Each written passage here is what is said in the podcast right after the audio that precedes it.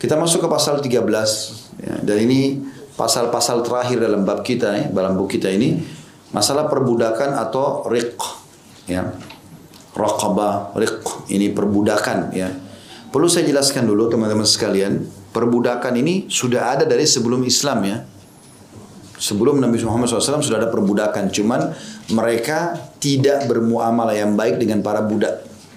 Nah, budak ini sering terjadi dari hasil peperangan.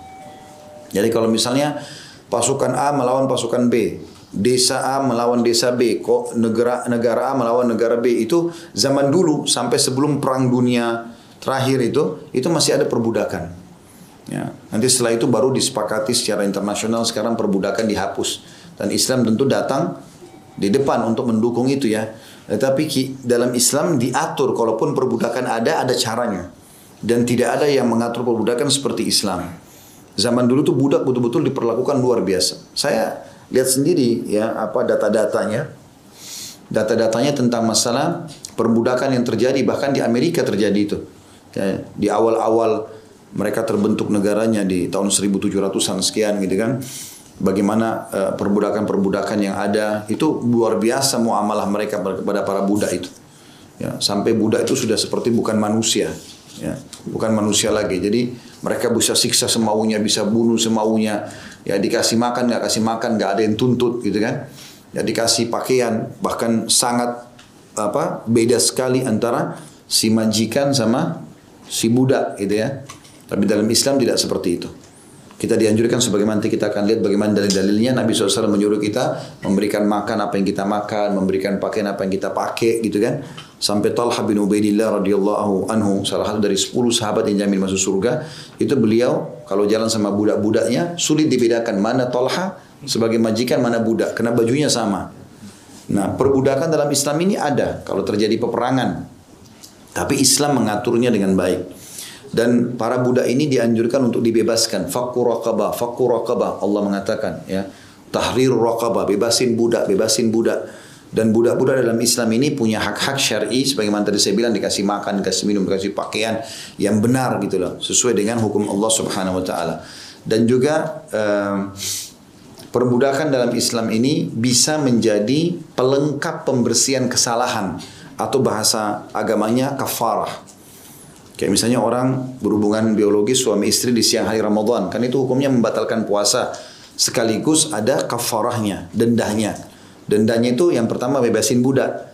Kalau nggak ada baru puasa dua bulan berturut-turut. Kalau nggak bisa baru pindah ke memberi makan 60 orang miskin. Jadi ada pembebasan budak di situ. Maka dia bisa menjadi pelengkap daripada ya apa namanya pembersihan terhadap kesalahan kita.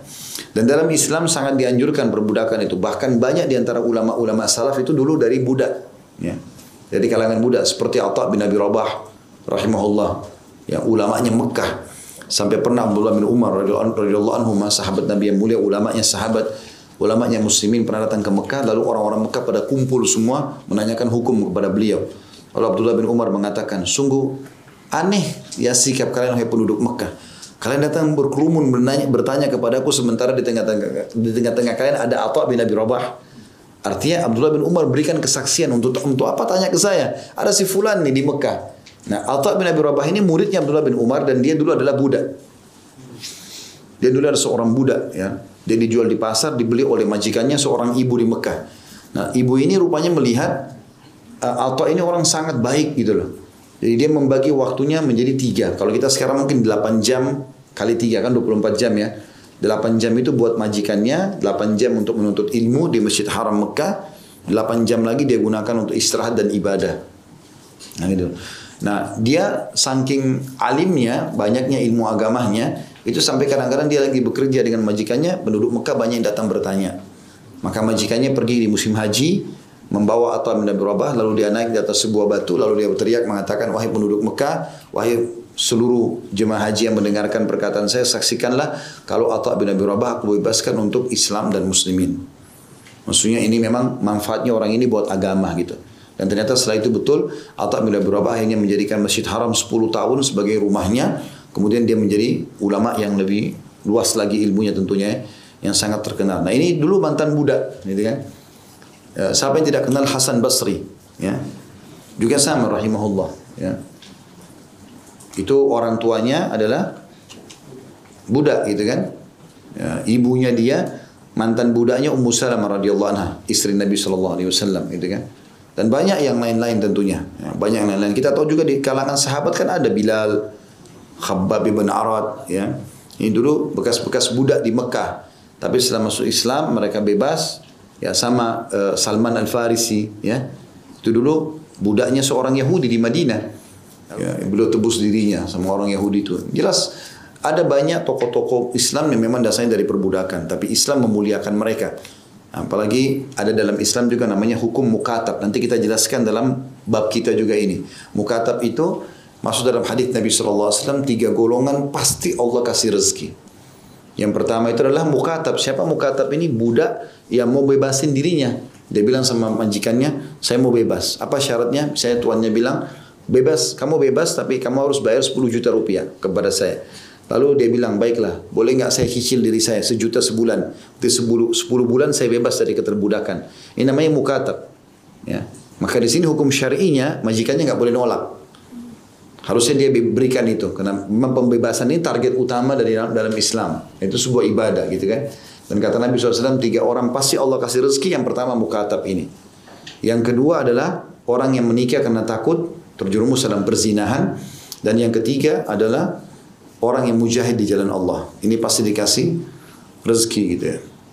Jadi ini perlu kita jelaskan dulu dalam masalah hukum ya. Jadi perbudakan ini bukan baru dalam Islam, tapi sudah ada di alam luar sana. Tetapi Islam datang menatanya dengan rapi. Sebagaimana ini pasal khusus panjang lebar ke depan kita akan bahas tentang masalah itu.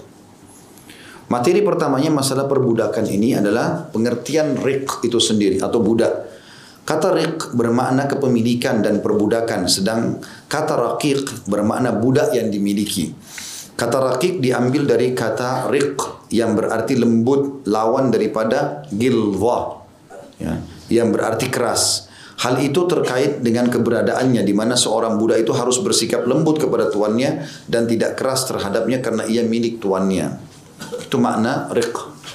Kemudian B-nya hukum rik sendiri. Rik itu atau perbudakan hukumnya boleh dalam Islam.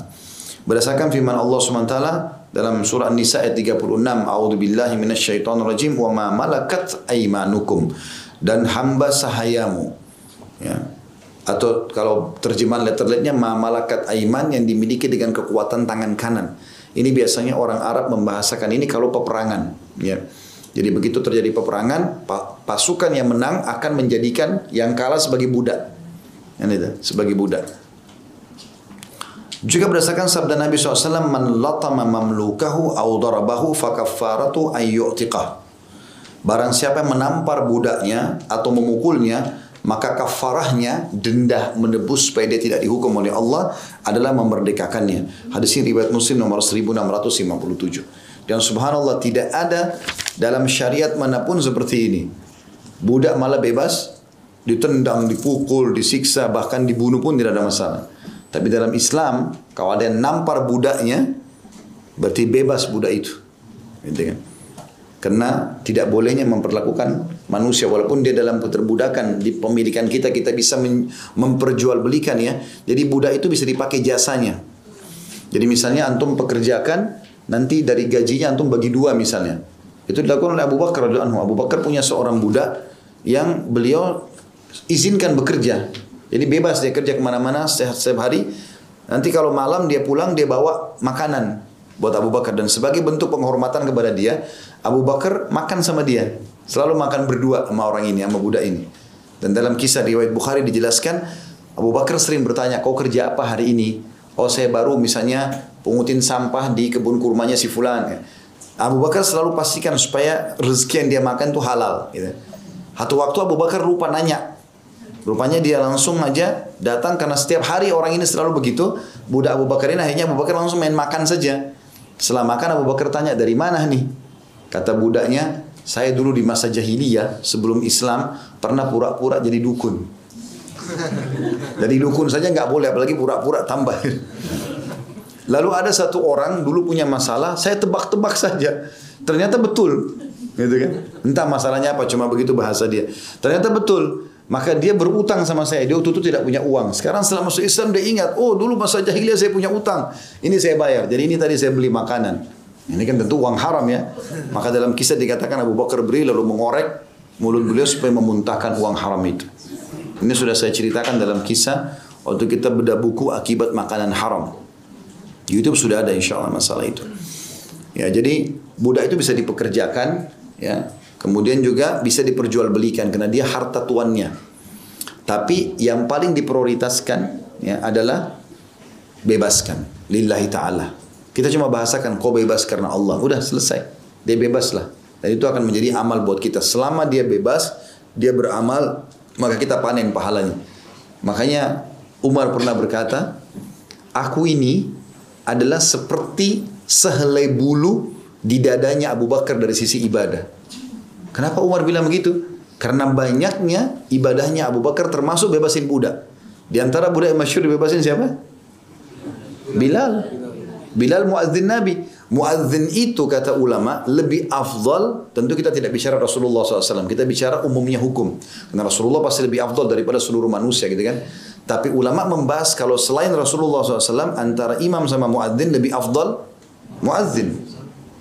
Karena imam panen pahala semua makmumnya. Makmum juga dapat pahala masing-masing. Tapi muadzin panen pahalanya imam juga. Karena dia yang panggil. Hayya ala sholat gitu kan. Nah, muadzin itu luar biasa. Jadi semua sahabat yang datang sholat di zaman Nabi dipanen pahalanya oleh Bilal. Pahalanya Bilal dipanen oleh Abu Bakar. Nah, dia bebasin. Gitu kan? Dia bebasin. Maka itu yang dimaksud dalam perkataan ini. Dan Umar saking menghormatinya Bilal sampai dia mengatakan, sesungguhnya Bilal adalah tuan kami, Sayyid yang dibebaskan oleh tuan kami Abu Bakar. Untuk menunjukkan tentang Islam itu setelah Bilal bebas nggak ada lagi kata-kata oh dulu dia budak nih nggak ada lagi itu. Sekarang dia sudah bebas. Dia setara dengan yang lainnya gitu kan. Dan mulianya Abu Bakar karena membebaskan orang soleh seperti ini. Umumnya salafus soleh dulu itu mereka beli budak untuk mereka ya bina menjadi orang-orang yang baik, hafal Quran, ibadah segala macam. Habis itu dibebasin, ya dibebasin. Kalau teman-teman pernah baca dalam sanad hadis ada dikatakan dalam sanad itu fulan fulan sahabat Nabi Rasulullah itu namanya sanad ya. Ini sanadnya kalau kuat berarti hadisnya juga nanti bagus gitu kan. Nah ada dikenal dengan sanad emas. Sanad emas itu Malik ibn Anas ya Imam Malik gurunya Imam Syafi'i meriwayatkan dari Nafi' Nafi' dari Abdullah bin Umar Abdullah bin Umar dari Rasulullah SAW Nafi' ini budaknya Abdullah bin Umar. Abdullah bin Umar ini didik betul Nafi' sampai menjadi ulama tabi'in. Dan habis itu Abu Abdullah bin Umar bebasin. Makanya dikatakan Nafi' Maula ibnu Umar. Nah kalau antum punya budak, lalu antum bebasin, silakan anda bebas karena Allah misalnya. Maka ada namanya hukum maula, nanti akan kita jelaskan dalam bahasan pasal kita. Nah kalau kita bebasin budak, kapan dia kaya raya, dia maju setelah itu, dia punya usaha segala macam, kita termasuk ahli warisnya. Kalau dia meninggal sebelum kita tentunya, tapi hanya kita, tidak hubungan sama anak-anak. Maksudnya kita yang dapat jadi ahli warisnya dia. Itu namanya hukum maula. Ya. Dan itu juga ada pernah terjadi berapa kali Aisyah radhiyallahu membebaskan budak-budak wanita yang di bawah naungan beliau gitu kan. Dan Nabi SAW mengatakan hak maula ada padamu. Hak maula ada padamu. Karena ini hak maula artinya orang jadi tahu oh, ini fulan dulu dibebasin oleh si fulan. Poin C-nya sejarah dan asal usul rik. Dari mana asal usulnya itu? Rik sudah dikenal manusia sejak beribu-ribu tahun yang lalu dan telah dijumpai di kalangan bangsa-bangsa kuno seperti Mesir, Cina, India, Yunani dan Romawi. Juga hal itu disebutkan dalam kitab-kitab suci samawi seperti Taurat dan Injil. Hajar ibunda Ismail bin Ibrahim alaihi salam asalnya adalah seorang budak wanita yang dihadiahkan oleh Raja Mesir kepada Sarah, istri Nabi Ibrahim alaihissalam. Sarah pun menerimanya dan memberikannya kepada suaminya Ibrahim alaihissalam. Kemudian Nabi Ibrahim alaihissalam menggaulinya dan kemudian melahirkan Nabi Ismail alaihissalam untuknya. Adapun asal usul terjadinya rizq adalah karena sebab-sebab berikut ini. Yang pertama yang paling sering terjadi adalah perang. Tadi sudah saya jelaskan itu, jika sekelompok manusia memerangi kelompok manusia lainnya dan berhasil mengalahkannya, maka mereka menjadikan para wanita dan anak-anak kelompok yang berhasil dikalahkan sebagai budak. Kemudian yang kedua, kefakiran. Tidak jarang kefakiran mendorong manusia menjual anak-anak mereka untuk dijadikan sebagai budak bagi manusia lainnya. Tentu sekarang mungkin ada tapi sangat kecil ya. Karena sekarang media sudah sangat terbuka ya, jadi mudah disorotin. Zaman dulu itu luar biasa gitu. Jadi biasa orang tua tidak punya duit, dia pergi ke pasar budak. Dulu hampir seluruh dunia ini punya pasar budak. Termasuk di Madinah sendiri zaman Nabi SAW ada pasar budak. Jadi orang bawa jual-jual budak gitu. Nah, salah satu sebabnya selain peperangan, tawaran-tawaran perang juga ada orang tua yang tidak punya duit, dia pergi ke pasar budak, ini anak saya saya jual. Anaknya bebas, tapi karena dia sudah terima uang, anaknya jadi status budak. Nah ini untuk bebas ya dia harus ikuti syarat-syarat. Misalnya dia tebus dirinya, seperti tadi saya bilang hukum mukatab misalnya. Atau memang ada yang membeli dan membebaskan dia. Itu di antaranya, biasanya karena kefakiran. Bisa terjadi juga yang ketiga karena perampokan dan pembajakan.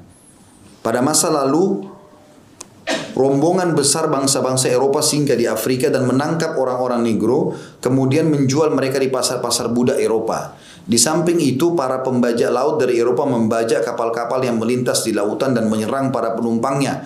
Dan jika mereka berhasil mengalahkannya, maka mereka menjual para penumpangnya di pasar-pasar budak Eropa dan mereka memakan hasil penjualannya. Islam eh, tentu ini sering terjadi ya. Selain juga masa-masa Eropa sudah mulai berjaya, sebelumnya juga ada begitu. Di zaman Nabi SAW, di zaman awal-awal Islam begitu. Jadi zaman dulu itu tidak ada keamanan kayak kita sekarang. Kalau sekarang kan kita Masya Allah naik pesawat dari sini ke Amerika pun sekian belas jam, ya bahkan bisa puluhan jam gitu kan. Itu tetap aja kita aman. Nah, karena disorotin oleh semua media segala macam. Keamanan lebih luar biasa zaman kita. Kita harus bersyukur dengan itu tentunya. Zaman dulu nggak bisa. Orang kalau keluar, kita misalnya dari Jakarta ke Surabaya, itu syukur kalau sampai ke Surabaya. Naik kuda, naik apalah kalau zaman dulu pada pasar naik unta itu bisa diserang tiba-tiba. Entah siapa yang nyerang. Tiba-tiba kita diserang, kalau kita kalah duel sama dia, ya udah kita jadi budak. Dibawa ke pasar dijual, naudzubillah. Hartanya diambil. Kadang-kadang juga dibunuh oleh mereka, itu sering terjadi. Nah ini biasa terjadi karena perampokan dan pembajakan. Zaman sekarang juga ada ini ya. Zaman sekarang ini kalau terjadi seperti penjualan manusia.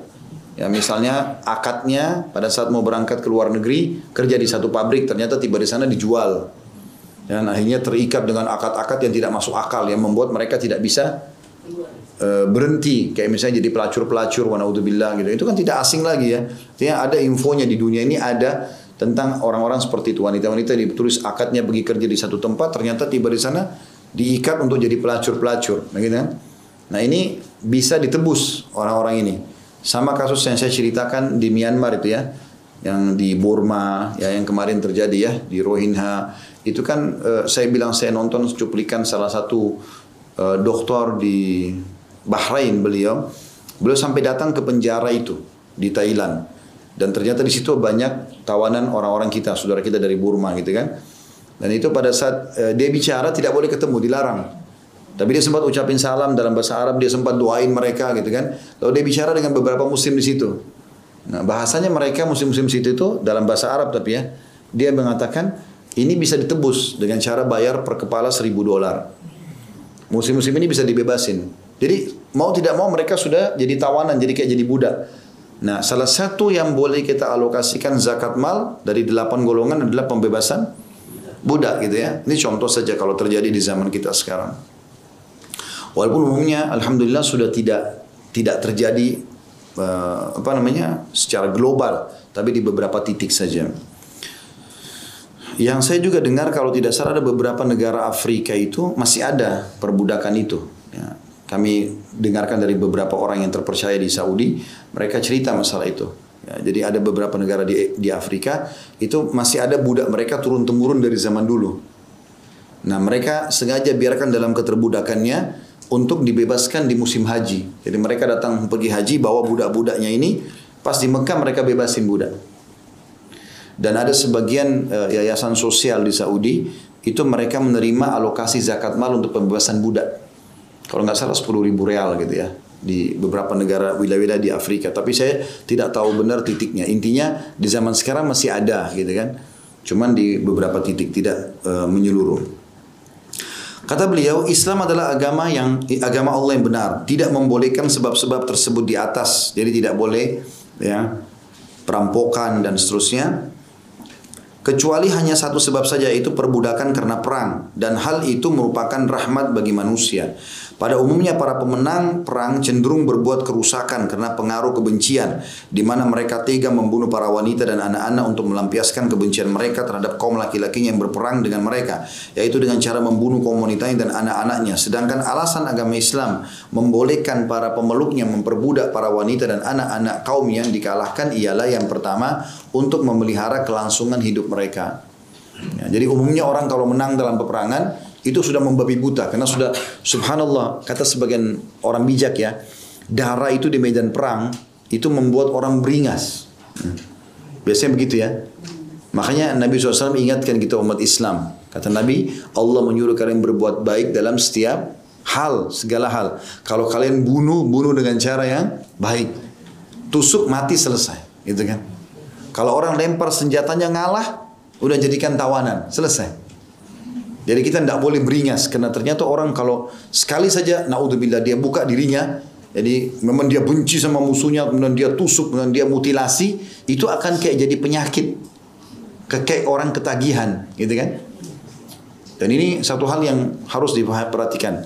Yang saya dapat informasi di zaman Utsmaniyah dulu, khilafah Utsmaniyah yang ada di Turki, itu kalau ada tidak uh, usah kita bicara prajurit perang ya, penyembeli kambing yang biasa menyembeli kambing setiap Idul Adha itu uh, setelah mereka menyembeli selama enam bulan ya uh, dia dia si pokoknya penyembeli kambing bukan Idul Adha saja. Kalau misalnya antum pesan pesan akikah pokoknya mau menyembeli kita kasih ke penyembeli kayak kita tukang potong gitu ya. Itu hanya boleh enam bulan bertugas. Enam bulan lagi oleh pemerintah Islam itu diwajibkan mereka pindah profesi jadi petani jadi apa supaya dia lupakan itu. Enam bulan dia menyembeli. Nanti dia kembali lagi boleh. Karena memang ada hikmah-hikmah syar'i di situ. Jadi tidak boleh sembarangan. Manusia bisa jadi masalah. Nah Islam datang ya karena orang kadang-kadang karena sudah peperangan ya benci-bencian gitu ya. Ya apalagi kalau sempat dia dilukai kesentuh tangannya keiris misalnya kakinya atau kepalanya kena bentur ya gitu. Dia kan marah. Sekarang walaupun dia bunuh musuhnya dia tahunya perempuan sama anak-anak di lokasi musuh ini berarti musuhnya juga. Maka terjadilah beringas-beringas gitu kan. Dan itu terjadi. Di depan mata kita kemarin kalau antum sempat cuplikan bagaimana orang-orang e, non muslim di Myanmar itu betul-betul luar biasa. Saya ya bukan manusia kalau saya bahasakan gitu kan. Sampai mereka makan dagingnya manusia. Gitu kan. Umat Islam itu dibunuh, di ikat gitu terus dibunuh habis itu dipotong-potong dagingnya mereka. Naudzubillah. Ini, ini luar biasa gitu. Ya ini keberingasan yang luar biasa gitu. Tapi seperti itulah. Nah Islam datang untuk menjaga hak-hak itu sebenarnya. Jadi ini cara Islam mengatur perbudakan itu. Yang kedua untuk membahagiakan dan memerdekakan mereka Adapun terhadap para tentara laki-laki musuh, maka imam diberikan kebebasan untuk menentukan pilihannya antara membebaskan mereka tanpa tebusan atau membebaskan mereka dengan tebusan harta atau senjata atau tawanan lainnya. Maksudnya pertukaran tawanan. Sebagaimana hal tersebut disinyalir oleh Allah SWT dalam firman-Nya dalam surah Muhammad ayat 4, A'udzu billahi minasyaitonir rajim, fa idza laqitumul ladzina kafaru fadarbar riqabi hatta idza hatta idza adkhantumuhum fashuddul wathaq fa imma mannan ba'du wa imma fidaan hatta tada'ul harbu auzaraha. Al-ayat. Apabila kamu bertemu dengan orang kafir di medan perang, maka pancunglah batang leher mereka. Maksudnya kalau lagi berhadapan silakan perang-perangan. Di situ boleh kita membunuh ya. Sehingga apabila kamu telah mengalahkan mereka maka tawanlah mereka dan sudah itu kamu boleh membebaskan mereka atau menerima tebusan sampai perang berhenti.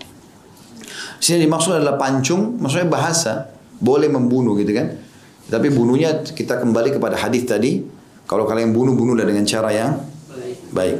Karena Nabi SAW mengingatkan itu, jangan bunuh perempuan, jangan bunuh anak-anak, jangan bunuh orang tua, jangan memutilasi, dan jangan membakar karena yang boleh membakar hanya pemilik api itu maksudnya Allah Subhanahu wa taala. Gitu kan? Dan kita dianjurkan juga sikap Nabi SAW waktu bebasin kota Mekah itu satu kota Mekah menjadi tawanan perang. Karena kapan pasukan Islam masuk dengan kekuatan militer dan tidak terjadi perlawanan dari mereka ya, dan itu kekuatan militer sudah masuk berarti kalah perang.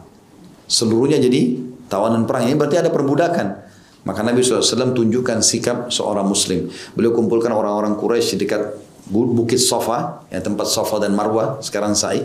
Beliau kumpulkan lalu beliau mengatakan, Hai Quraisy, kira-kira menurut kalian apa yang akan saya lakukan? Artinya sekarang saya masuk dengan kekuatan militer, dulu kalian siksa saya selama 13 tahun di Mekah.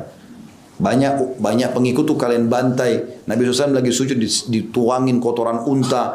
Pernah Nabi lagi lagi sujud SAW diinjak batang lehernya sampai gak bisa nafas gitu kan. Maka mereka akhirnya mengatakan, Hai Muhammad, engkau adalah kerabat kami, engkau orang baik dan segala macam. Akhirnya Nabi SAW mengatakan, ketahuilah, aku bebaskan kalian semua. Jadi tidak ada perbudakan Quraisy pada saat itu, gitu kan? Karena mereka dibebaskan oleh Nabi SAW. Ini yang dimaksud dengan poin kedua, pemimpin perang punya hak mengambil keputusan di situ. Dia bebasin atau dia tawan. Ada juga ya keputusan dalam Islam yang memang semua tawanan perangnya dihukum mati laki-lakinya. Itu terjadi pada suku Quraidah yang berkhianat di perang Ahzab. Saya pernah jelaskan di Madinah ada tiga suku Yahudi Kainuka, Nadir dan Quraidah. Kalau Kainuka dan Nadir dikeluarkan oleh Nabi SAW dari Madinah karena pengkhianatan mereka ya. Kan kesepakatan di piagam Madinah itu mereka tidak boleh berkhianat. Mereka harus saling membantu membantu dengan muslimin membela Madinah.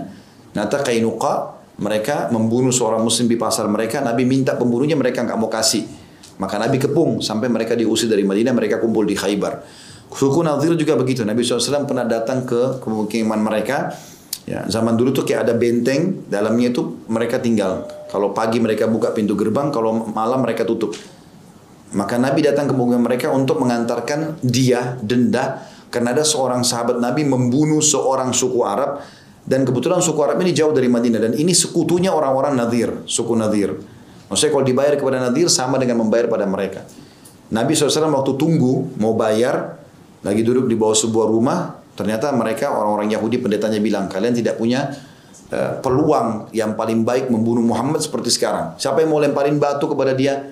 Naik satu orang di atas rumah mau lemparin batu, tapi Jibril sampaikan, Hai Muhammad di atas kepalamu sekarang ada satu Yahudi mau lempar kamu dengan batu nih. Maka Nabi SAW berdiri langsung pulang ke masjid, kumpulin sahabat untuk menyerang. Lalu Nabi SAW minta, mana itu orang yang di atas rumah itu? Serahkan. Dia mau membunuh, gitu kan? Mereka nggak mau kasih, dikepunglah sampai mereka diusir dari Madinah. Nah, kedua suku ini berkumpul di Khaybar. Mereka karena jengkel, mereka gojolakkan suku-suku Arab. Maka terbentuklah kelompok-kelompok yang Allah sebutkan dalam surah Al-Ahzab. Ahzab jamak daripada hizib.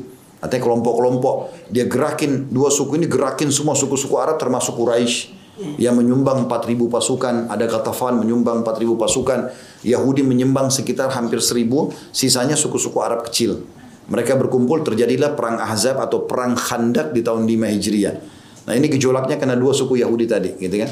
Nah, kalau kita ibaratkan meja ini adalah Madinah, di pinggir sebelah kanan meja ini ada benteng Yahudi yang tersisa yang ketiga namanya Quraidah, gitu kan? Nah, ini Nabi buat parit di sini. Orang-orang Quraisy nggak pasukan Ahzab nggak bisa masuk kalau sini buat parit yang kita kenal dengan perang Khandak gitu kan. Mereka bisa lewati. Satu-satunya jalan bisa lewat cuma dari bentengnya Quraidah. Tapi Quraidah sudah punya akad sama Nabi. Nggak boleh khianat ya. Nah rupanya suku Nadir sama Kainuka ini datang. Maksain diri untuk ketemu sama pimpinan Quraidah. Awalnya pimpinan Quraidah nolak. Nggak, saya nggak mau diusir sama Muhammad sebagai kalian. Lalu mereka terus motivasi mengatakan, apa yang kau takutin lagi? Lihat ini pasukan depan mata. 10 ribu orang, kita pasti menang. Muhammad akan kalah. Muhammad cuma punya pasukan seribu. Memang waktu itu cuma seribu orang. Sahabat-sahabat Nabi. Semuanya berkumpul di khandak.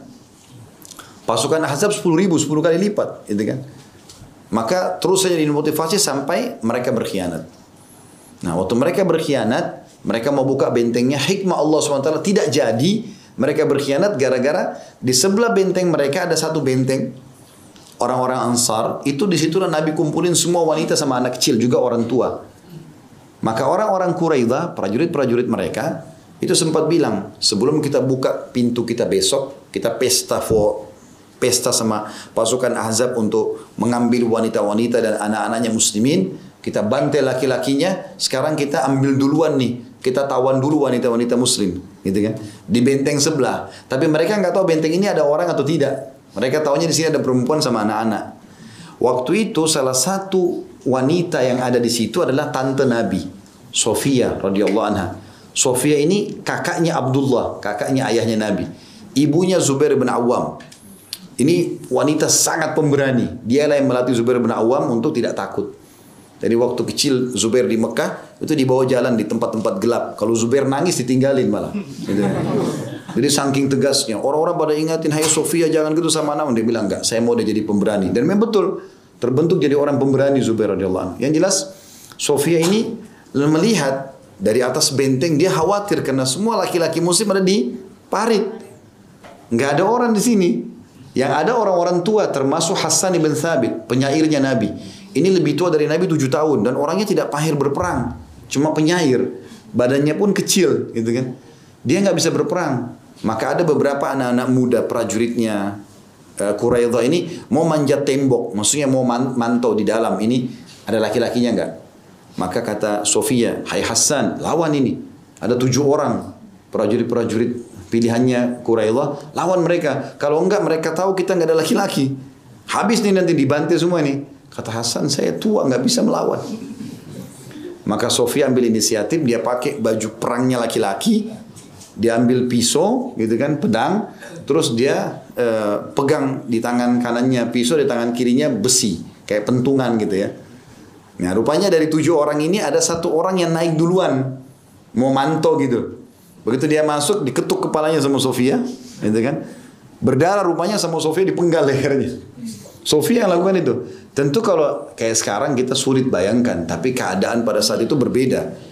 Setiap situasi kan ada keputusannya kan, kita, kita tidak tahu. Karena pada situ kalau tidak dilakukan oleh Sofia mungkin sulit. Maka Sofia kena pakainya baju perang laki-laki, orang nggak tahu kan gelap malam gitu. Maka dia angkat kepalanya si Yahudi tadi yang dipenggal sama dia, diliatin lalu dilempar. Nah orang-orang Yahudi yang sisa enam orang di bawah lihat, ini berarti di benteng banyak laki-lakinya nih.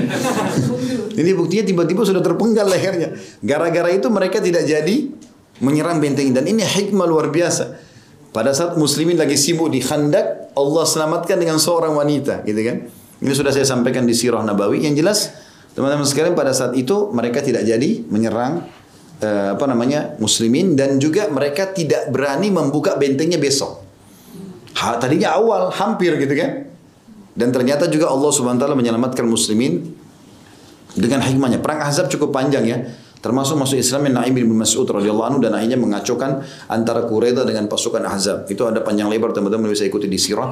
Intinya pada saat itu Nabi alaihissalam menghukum suku Quraisy. Setelah pasukan Ahzab dihantam oleh angin yang keras, membuat mereka terbongkar semuanya, mereka bubar, maka suku Quraisy tinggal sendiri.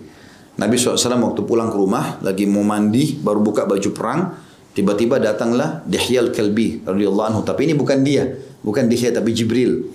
Ya, karena Jibril sering menjelma jadi Dihyal Kalbi radhiyallahu anhu karena orangnya sangat tampan, soleh, baik. Jibril sering menjelma jadi dia. Tiba-tiba kata Aisyah, ada orang ketuk pintu, terus saya buka ternyata Dihya. Lalu dia tanya, mana Rasulullah? Kata saya Rasulullah lagi mau mandi, gitu kan. Kata dia, sampaikan, saya ada perlu. Maka Aisyah pun mengatakan, saya sampaikan kepada Nabi SAW, lalu Nabi keluar, ternyata Orang itu adalah Jibril karena terbukti dia mengatakan Hai Muhammad apakah kalian ini tidak mungkin Dihya berkata begitu. Dia bilang Hai Muhammad apakah kalian membuka baju-baju perang kalian sementara kami para malaikat tidak membuka baju kami sampai kami menembus benteng itu? Ditunjuklah bentengnya Quraidah ini. Ditunjuk bentengnya Quraidah benteng itu. Maka lalu kemudian Jibril jalan pakai kudanya. Disebutkan dalam riwayat kudanya pelananya itu pakai beludru warna biru maka Nabi SAW langsung pakai baju perangnya, kemudian mengiklankan kepada para sahabat, siapa yang beraku beriman kepada Allah dan hari akhir, jangan sholat asar kecuali di benteng Quraidah. Nah waktu itu pas masuk waktu asar, jadi sahabat semua pada jalan dan Nabi selalu bilang, siapa yang lihat tadi dia lewat di sini? Mereka mengatakan ada tadi lewat ya Rasulullah. Kata Nabi SAW itu Jibril, kejar segera. Kita disuruh ke sana sampai berkumpul pasukan di sini. Waktu itu pas maghrib mereka tiba di sini. Nah, ada di antara sahabat yang belum sholat asar ada yang sudah sholat asar. Karena kan Nabi bilang jangan sholat asar kecuali di benteng Quraidah maka Nabi betulkan dua-duanya. Ada yang sholat asar di jalan ada yang sholat asar nanti tiba di sana. Intinya seperti itu. Nah pada saat selesai dikepung mereka akhirnya ketakutan mereka menyerahkan diri. Nah Nabi SAW serahkan hukum Bani Quraidah ini kepada Sa'ad bin Mu'ad radhiyallahu anhu. Sa'ad bin Mu'ad ini pimpinan orang-orang Khazraj ya orang Ansar yang memang dulu jadi sekutunya. Sekutu ini Orang-orang Yahudi pikir Sekutunya berarti akan bantu mereka. Ternyata saat sangat tegas. Lalu saat mengatakan, apakah Rasulullah SAW setuju dengan keputusanku nanti? Kata Nabi SAW, iya. Lalu dia balik kepada orang-orang muhajir, orang-orang Mekah. Apakah kalian akan setuju dengan keputusanku? Kata mereka iya. Dia balik kepada orang-orang Ansar. Apakah kalian setuju dengan keputusanku? Kata iya. Kata dia mulai hari ini aku akan perlihatkan kebenaran ya, hak itu yang benar dibenarkan oleh Allah. Maka aku putuskan semua laki-laki Quraisy itu dibunuh. Kenapa? Karena mereka berkhianat. Hampir saja Madinah hancur pada saat itu. Gitu kan? Dan laki anak, perempuan dan anak-anaknya itu jadi tawanan seperti itulah. Ini sudah panjang lebar saya ceritakan kisahnya.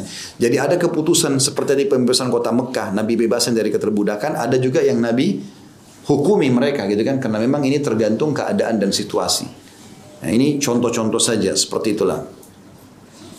Jadi katakan sini Islam datang Maaf, ini sudah kita baca sampai surah Muhammad tadi ya. Jadi perbudakan dalam Islam untuk memelihara keterlangsung hidup mereka dan juga untuk membahagiakan dan memerdekakan mereka.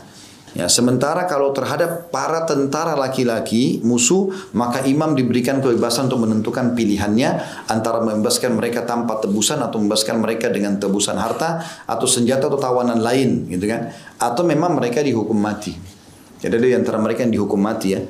Kalau teman-teman juga kembali ke kisah perang Badr, itu ada di antara tawanan perang yang dibebaskan uh, dengan tebusan, ada yang tidak dengan tebusan, ada yang dihukum mati. Yang betul-betul pada saat di Mekah menyiksa Nabi alaihissalam. Ini sudah saya sebutkan nama-namanya di kajian sirah di uh, apa namanya? di bab tentang perang Badr ya. Allahu a'lam. Begitu saja. Sallallahu Nabi Muhammadin wa alihi wasallam. Alhamdulillah rabbil alamin. Subhanakallahumma bihamdika asyhadu an la ilaha illa anta astaghfiruka wa atubu ilaik. Assalamualaikum warahmatullahi wabarakatuh.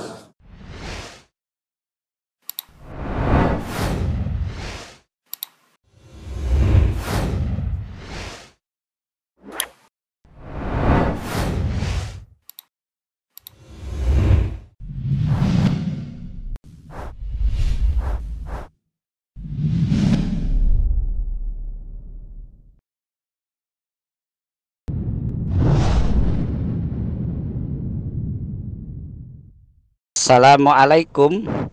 Untuk pemesanan paket umroh murah Bisa menghubungi 0821